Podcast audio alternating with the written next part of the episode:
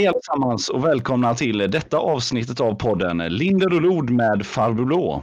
Och eh, idag har vi faktiskt en gäst med oss då vi har gruppledaren för den lokala politiken här i Mölndal med oss. Välkommen Fredrik Melbin. Jag tackar. Jag har ju stått i kö länge för att få vara med här. Ja, det är många som eh, gör det just nu faktiskt, får jag säga. Eh, nästan helt sanningsenligt också. Mm. Eh, och eh, mitt emot mig på andra sidan internet så har vi också farbror Blå med oss. Hallå Hans! Ja, jag är här. Fredrik kan stå både först och sist i kön. Ja. Kan vi säga. Ja. Men det får, gärna bli, det får gärna bli fler gäster framöver. Och, och Fredrik får gärna komma tillbaka fler gånger. Absolut. Det var ju inte så långt, alltså man behöver ju inte förflytta sig särskilt långt. Man behöver egentligen bara slå på datorn för att vara, vara gäst hos oss. Ja, men det är en stor, en stor mental resa. Ja. Att ta steget. ja, det kan det ju vara. Det kan det ju vara. Ja. Absolut. Ja. absolut. Så, eh, vad har ni gjort i veckan? Jag börjar med Fredrik du. Ja. Ja, Eh, jag har bara suttit på baken och eh, programmerat eh, på dagtid. Inte så spännande. Sen avrundade jag med världens tråkigaste distansmöten. Ja. Ja, Kultur och fritidsnämnden, de har inga hämningar på sina presentationer. Att man kan sitta där hela kvällen utan att någon har sagt något. Det är fantastiskt. Men det är det som är kulturen kanske? Nej, nej det, det, är det ju inte. Att ge sig själv beröm, är det kultur? Det är som typ de där gangsterrapparna som sjunger om hur mycket pengar de har. Det är kultur. Det är väl ja, den politiska motsvarigheten till det ungefär. Ja, ja. ja, ja, ja. ja det låter som det var roligt, förstår jag, det mötet. Ja, precis. Man får höra hur bra förvaltningen är av förvaltningen självt. Ja, ja, ja men de är ju extremt eh, självkritiska förstår jag ju då. Ja, men kanon. Men mm. eh, Hans då? Vad har du haft för dig? Ja, det har varit fullt upp eh, denna veckan. Det är ju några veckor här nu som det är liksom 150 procent eh, på jobbet. Även om eh, det är väldigt nära till jobbet, det är bara för att gå från sovrummet till köket, så är det ändå rätt mycket att göra. Jag har också haft eh, möte. Och en bra sak med att, arbeta på distans och ha möten distans, det är att jag jobbade och hade möte samtidigt. Jag jobbade i Meet och hade ett möte i eh, Teams och det var GRs skolgrupp. Eh, ah, ungefär samma klass och kvalitet som på Fredriks möte. Det tog eh, mellan 9 och 12. Eh, inga beslut. Det var inga beslutspunkter överhuvudtaget utan det var bara informationsärenden. Eh, otroligt intressant och givande. Eh, eh, så, alltså, så trots att man inte har några beslutsärenden så har man liksom inte tillräckligt mycket mod och karaktär att säga att nej, vi ställer in. Det är ingen idé att ha något möte när vi ändå inte ska fatta några beslut, utan folk ska vara där och de ska fika och de ska babbla och de ska föredra och de ska lyssna på sig själva och få medhåll och, och hela den här eh, balletten. Det är jätteskönt att, att eh, kunna lyssna på ett halvt öra på det där på, på distans. Det har varit ja. min vecka på ett ungefär, plus mina dagliga långa promenader. Ja, just det. Men de är bra att hålla igång mm. med. Ja. Ja, eh, ja, nej själv, jag har, eh, alltså, jag har varit så improduktiv den här veckan vi kan hoppa över med den här punkten den här veckan för jag har gjort så lite så det Jag har ju haft fullt upp jag också men jag har inte fått gjort någonting. Jag har lyckats flytta min tvättmaskin, jag har lyckats eh, dra fram en ny ledning till den och så så att nu kan vi snart börja med vår badrumsrenovering. Men alltså detta tog mig en hel dag att göra detta. Eh, så det har jag gjort den här veckan. Lite, lite, home, lite home improvement Ja. ja, men då har vi summerat eh, våran eh, extremt eh, händelserika vecka och då eh, kan vi faktiskt gå in på eh, den första punkten eh, som vi har den här veckan då.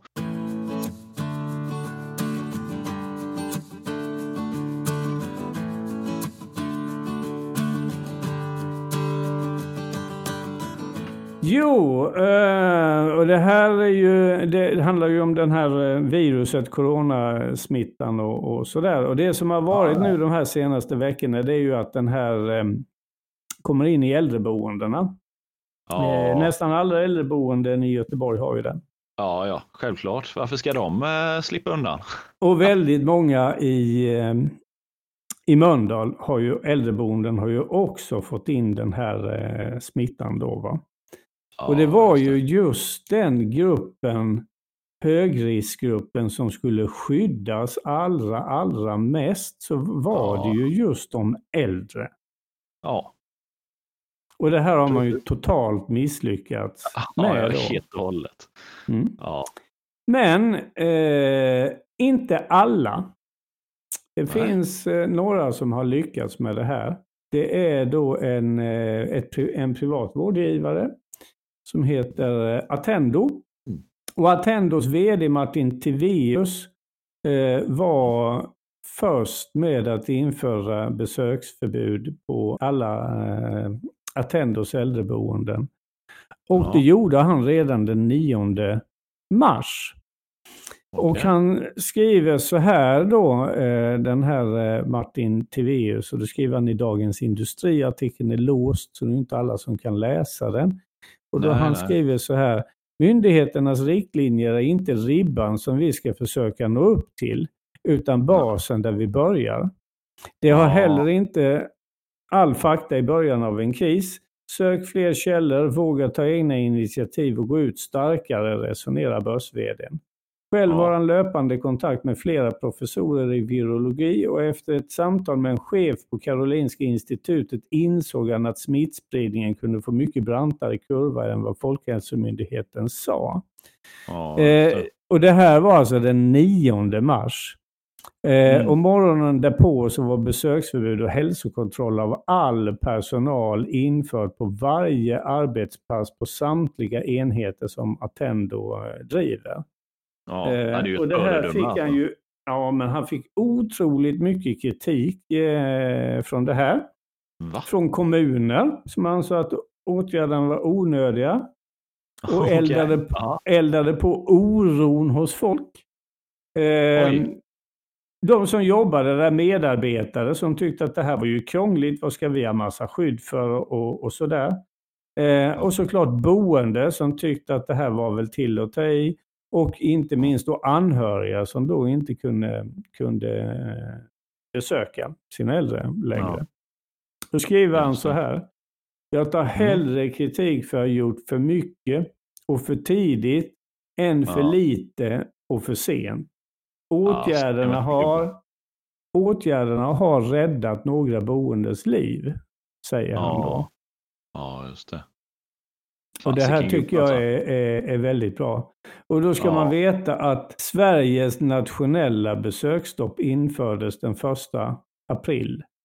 Ja. Eh, och de införde detta då den 9 mars. Och det är ju Mm. det här, vi vet ju om att det är ju eh, väldigt viktigt att vara ute liksom i, i, i god tid för att verkligen Ja. liksom stoppa den här eh, smittan. eh, Så är det då. ju starka åtgärder tidigt. Det är ju det som ger bäst resultat. Så är det ju. Ja, visst. Och våga ta lite kritik. Våga Ja. stå upp för sina beslut och ta den Ja, diskussionen. Ja, ja det är, Eh, Attendo jobbar ju på uppdrag av många kommuner. De driver ju nästan ingen egen, egen äldreomsorg utan de, de driver ju det här på uppdrag av olika kommuner. Ta Mm. den, ta, våga ta den fighten med kommunerna. Eh, Ja. Som då tyckte det här var onödigt. I Mölndals stad är ju en kommun som ju inte har gjort särskilt mycket. Eh, ta den här diskussionen om att elda på oron. Jag tycker det är så fånigt så inte klokt. Eh, ta diskussion med medarbetare som tycker att varför ska vi hålla på och krångla med visir och munskydd och, och sånt där. och inte minst då de anhöriga som, som ju naturligtvis blev eh, sura. Idag kan jag nog säga att de är nog väldigt glada, de anhöriga. Det de tror som jag har- också. Ja. De som har bott i de här Attendos boenden har ju klarat sig med livet i behåll helt enkelt. Ja. I alla fall undan corona då. Och, Ja. men, det roliga är att elda på folks oro. Jag tänker så här personligen så hade jag nog blivit mycket tryggare om jag visste att en äldre släkting eh, bodde på ett boende där de eh, gjorde för mycket egentligen. jag, det blir väl inte jag orolig för, det är ju snarare tvärtom.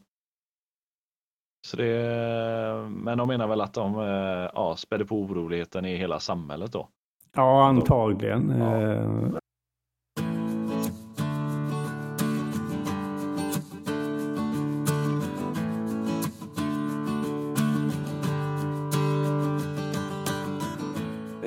Ja, men vi sitter ju fortfarande i det här viruset. Eh, det är ju därför vi började podda. Ja. Eh, och jag är ju faktiskt i professionell mening historiker. Så nu har jag kollat det här och gjort en liten historisk tillbakablick kring det här med pandemier och det här kring andra våg. Ja. Men vi har haft tre, tre stycken stora epidemier under 1900-talet. Det var spanska sjukan som var under första världskriget. Mm. Och sen är det Eh, Hongkong-influensan 68 till 70. Eh, ja. Och sen 2009-2010 hade vi eh, det som kallas för svininfluensan. Eh, kan jag väldigt lite om sjukdomar och allting sånt, men alla dessa är en sån här H1N1, alltså det är ett annat eh, virus än ett coronavirus. Så ingen av de här tre är någon coronavirus. Nej, eh, men alla eh, influens, eh, alla pandemier vi har haft, de har självdött efter ett tag. Det har, det har liksom aldrig förekommit någon andra våg. Och tittar man ännu längre tillbaka historiskt till den just, justianska pesten, ja. som nådde Bysans på 500-talet, så dog den också ut. Digerdöden dog också ut. Ja. Eh, den kinesiska pesten i, i, på slutet av 1800-talet, den dog också ut. Så att typiskt för alla sådana här pandemier, det är att de, de dör ut. Det kommer ingen, ingen andra våg. Det, det blir inga, ingen, ingen eh, backlash eh, på dem. Så det här snacket med att alla kommer bli lika smittade, det stämmer inte historiskt. Jag är inte epidemiolog, men jag är historiker. Jag kan säga från, utifrån historiska fakta så stämmer inte det. Alla kommer inte bli lika smittade. De som ja. har lyckats att bekämpa det här bäst, de kommer också att klara sig bäst totalt sett. Eh, vad som kan hända är att det blir små, små fickor eh, där viruset har kunnat övervintra, eh, små lokala utbrott som man kan hantera lokalt och regionalt och, och sådär. Sånt händer, men det händer ju faktiskt med alla sjukdomar. Det händer med mässling och vattkoppor och TBC-utbrottet som vi hade i, i, i Sverige eh, på 40-50-talet i Norrland och, och sådär. Så att ja. det, det här snacket om att det kommer en andra våg, det är, det, det är någon som har hittat på det. Det finns, det finns inga som helst historiska belägg för att det skulle vara på det viset. Utan de länder som har klarat sig bra, Norge till mm. exempel, Finland till exempel, Danmark också, de kommer ja. även fortsättningsvis att klara sig bra. De ja. länder som har varit kassa på detta, som Sverige, ja. Storbritannien, kommer att få betala ett pris för det ganska länge. Ja, men sen funderar jag nästan på, eh, det känns ibland som att det är lite så här eh, självuppfyllande mål de nästan sätter upp där, att ja, alla ska bli smittade när vi ska få flockimmunitet och allt det här de eh, haspar ut sig. Och det känns nästan som att de försöker driva det åt det hållet. Och det är klart att om man säger att det ska komma en andra våg och man vill att alla ska bli smittade, men det är klart då, då är det ju mycket större risk att det händer också. Så är det. Så är det. Ska jag säga det också, vi har ju fått många likes här nu och många vänner eh, nu på vår Facebook-sida. Så det kan ju vara någon som, ja men, ja, men spanska sjukan kom ju en andra våg eh, då ju i, i september 1918 som var, var rätt fruktansvärd. Den var mycket värre än första vågen. Och det stämmer, men det berodde på att det var krig i Europa eh, hösten eh, 1918 och det var i sluttampen av första världskriget med stora truppförflyttningar runt omkring i Europa. Så de här superspridarna flyttades ju runt när arméerna flyttades runt och spred ju smittan i takt med att kriget utvecklades. Eh, det är hela förklaringen till att just spanska sjukan fick en, en andra våg. Och utbryter inget krig, eller Champions League-spelet inte sätter igång med fans som, som smittar ner varandra över hela Europa så kommer vi att klara oss alldeles utmärkt utan en sån andra våg. Ja. Historisk fakta. Ja, men grymt. Härligt att få det eh, ibland. ja, men eh, vilket sportevenemang tror ni det är som kommer förstöra det? Men de kommer ju alltid titta på pengarna. Ja, just det. Är det OS som drar mest pengar eller? Ja, det, fast, fast det är ju Japan så det blir inte vårt problem på samma sätt. Nej. Långt bort. Ja. Jag, ty jag, jag, möj, jag, tycker redan man kanske man har sett en tendens. Alltså den vitryska ligan har ju spelat länge ända tills de tvingades stänga när, när eh, till och med lagen var så genomsmittade att de inte kunde få ihop ett fullt lag. Och det är ja. rätt mycket pengar i, i fotbollen också. Idrotten och framförallt fotbollsförbunden har ju gnytt. Eh, tyska Bundesliga har kört igång inför tomma läktare. Engelska Premier League. Och jag, alltså, ni som känner mig vet ju om att jag är ett stort Premier League-fan. Jag har ju fotbollsabstinens som man kan smälla av. Eh, det, alltså, där tror jag möjligtvis att, att man kan få en, eh, en, eh, en omstart.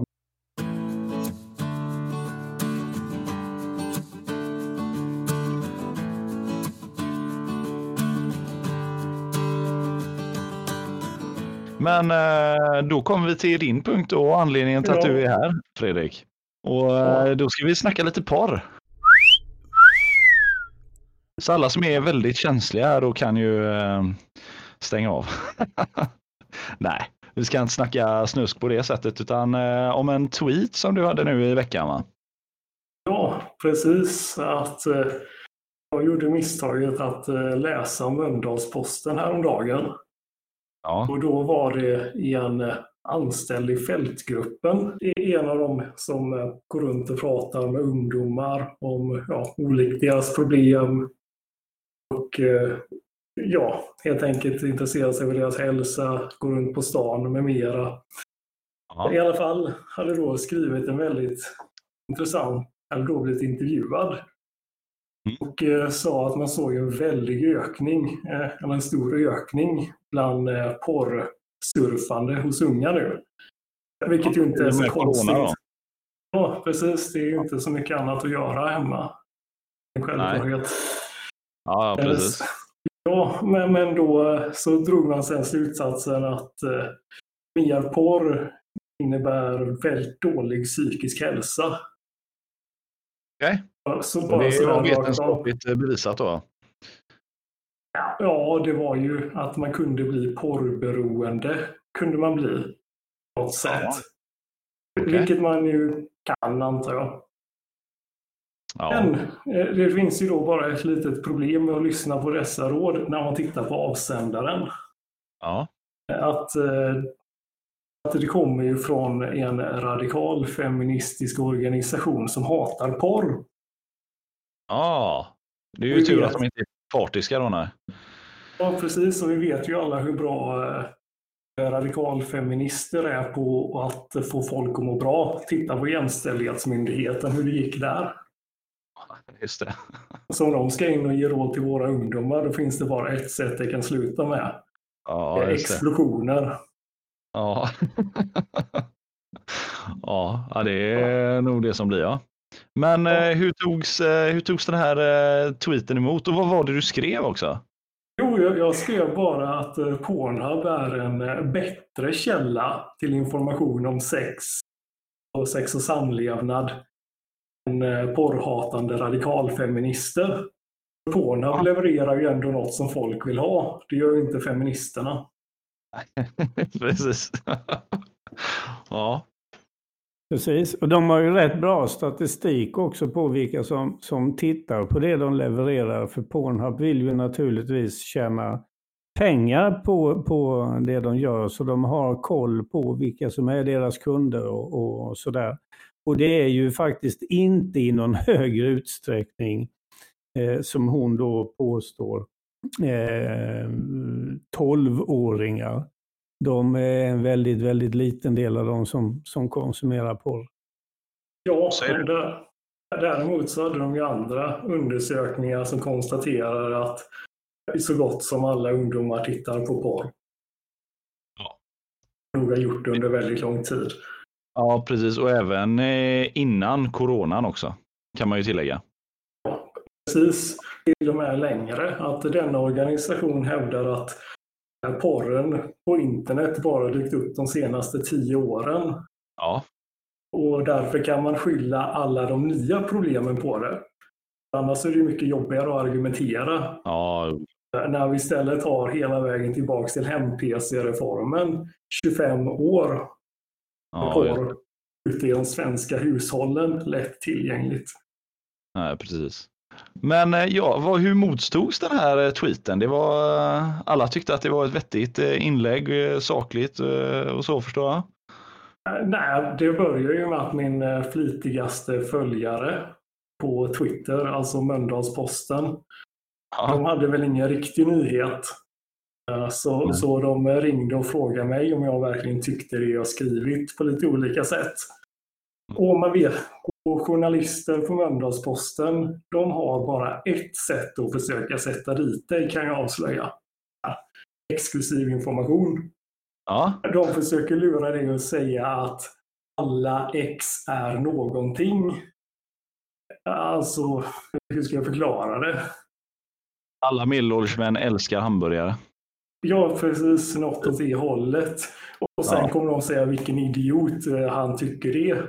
Varenda Ja. gång så säger jag, nej nu försöker du få mig att säga något sånt. Ja, Liksom, och så går de vidare.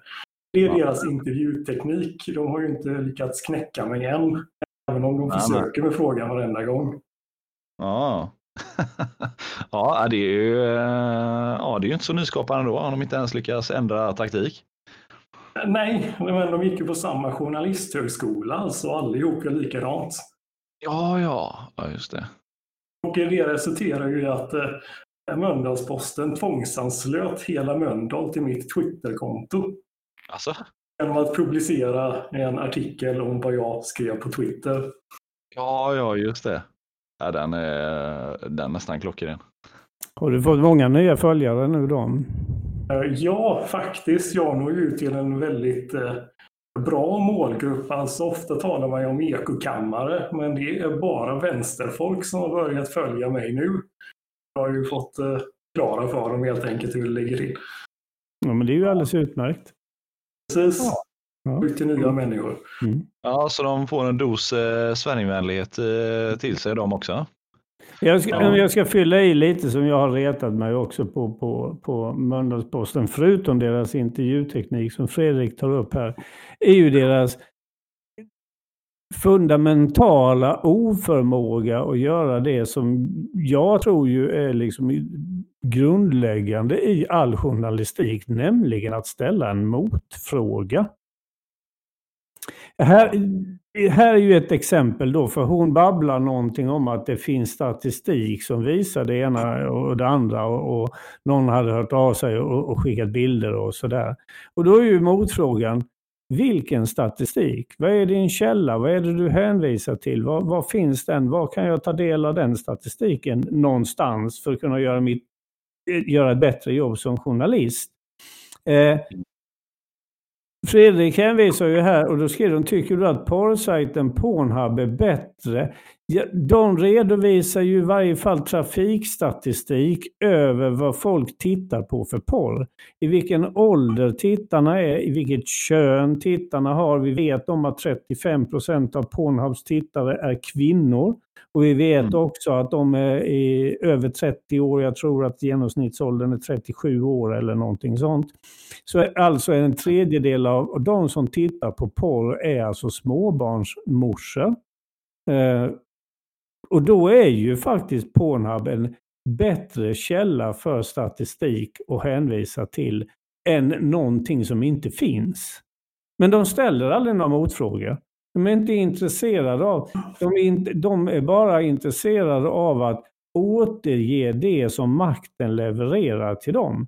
Och det är ju inte journalistikens uppgift. Journalistikens uppgift är ju att vara en tredje statsmakt, alltså ställa makten till svars, ställa kritiska frågor eh, och jobba med, med så att säga det som de frågorna som medborgarna vill ställa till de som företräder eh, makten.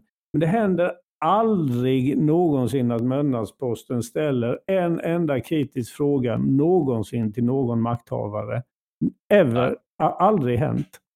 Jag kan hålla med där, men eh, det blir ju så roligt eftersom de ställer noll kritiska frågor. Det betyder ju att ibland så får man stå oemotsagd, helt perfekt citerad sist på ett ämne.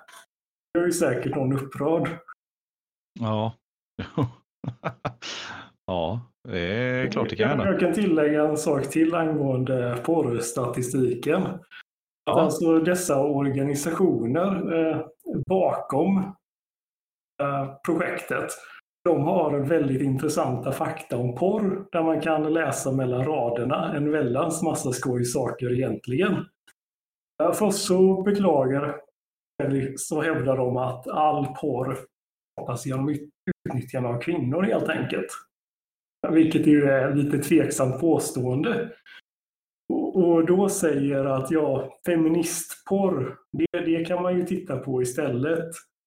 Fast, fast, det, fast folk tittar inte på feministporr och kvinnor insisterar på att inte skapa feministporr för ingen tittar på det, beklagar de sig över. Ja, det är jobbigt läge där. Ja, det står på deras egen sida. Oj. Att liksom sånt beklagande över det, att kvinnor gör inte som de vill, män gör inte som de vill, porrkonsumenter gör inte som de vill. Att de bara står och bölar över att varför blir inte världen som vi vill? Vi har ju listat ja. ut hur den fungerar här. Ja. ja, det är ju inget vinnande koncept kan man inte säga.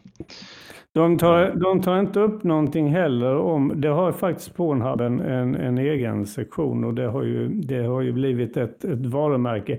Eh, det finns ju Pride Porn, alltså Pride-rörelsen.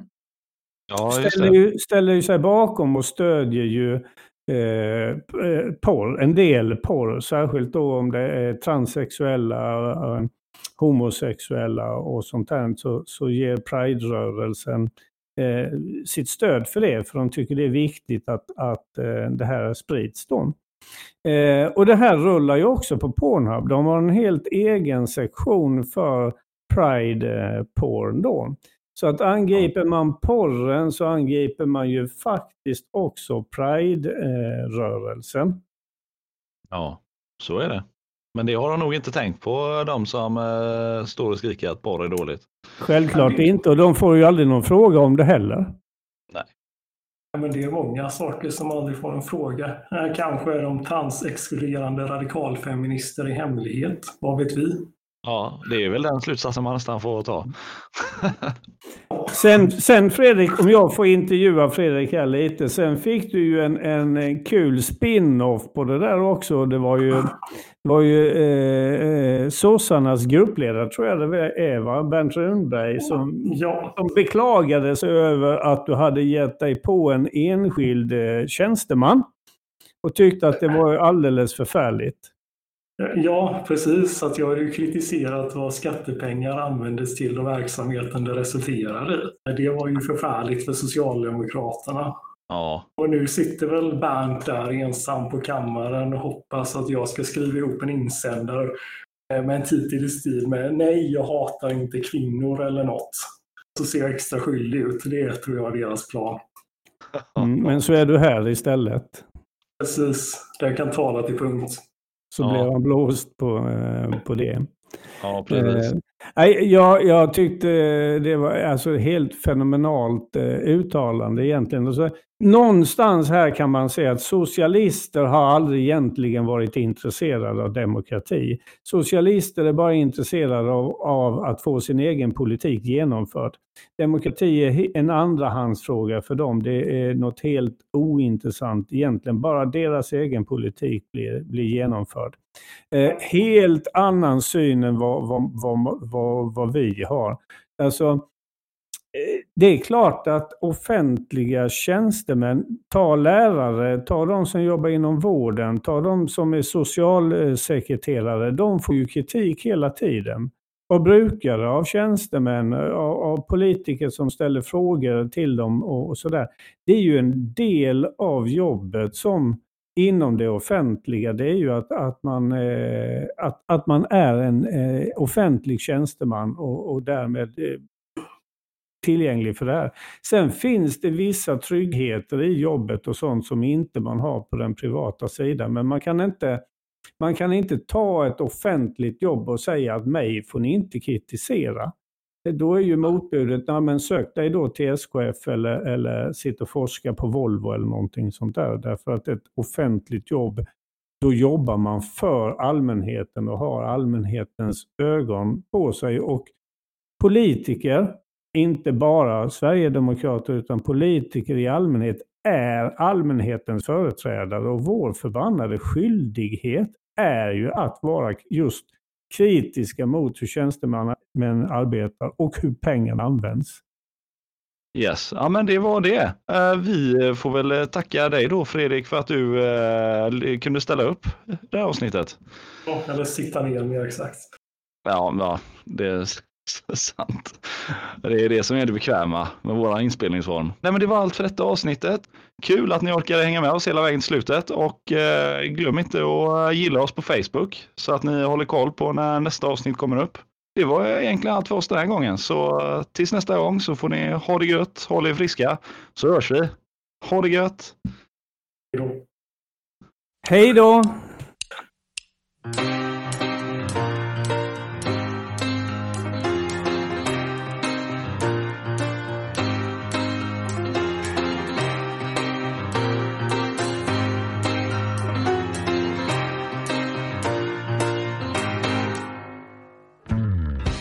har just nu lyssnat på podcasten Linder och Lod med Farbror Blå. Vi som har gjort den här podden heter Martin Lindelod och Hans Westberg. Och idag blev vi även gästade av Fredrik Melbin. Vi spelar in allting på Discord vilket gör att ljudkvaliteten är som den är. Ljudredigering är gjord av mig själv och intro och outro-jingel är gjord av Junkyard Storytellers från icons8.com. Till sist vill vi uppmana er alla att tvätta era händer, håll avstånd enligt myndigheternas rekommendationer. Ha det gött, hej!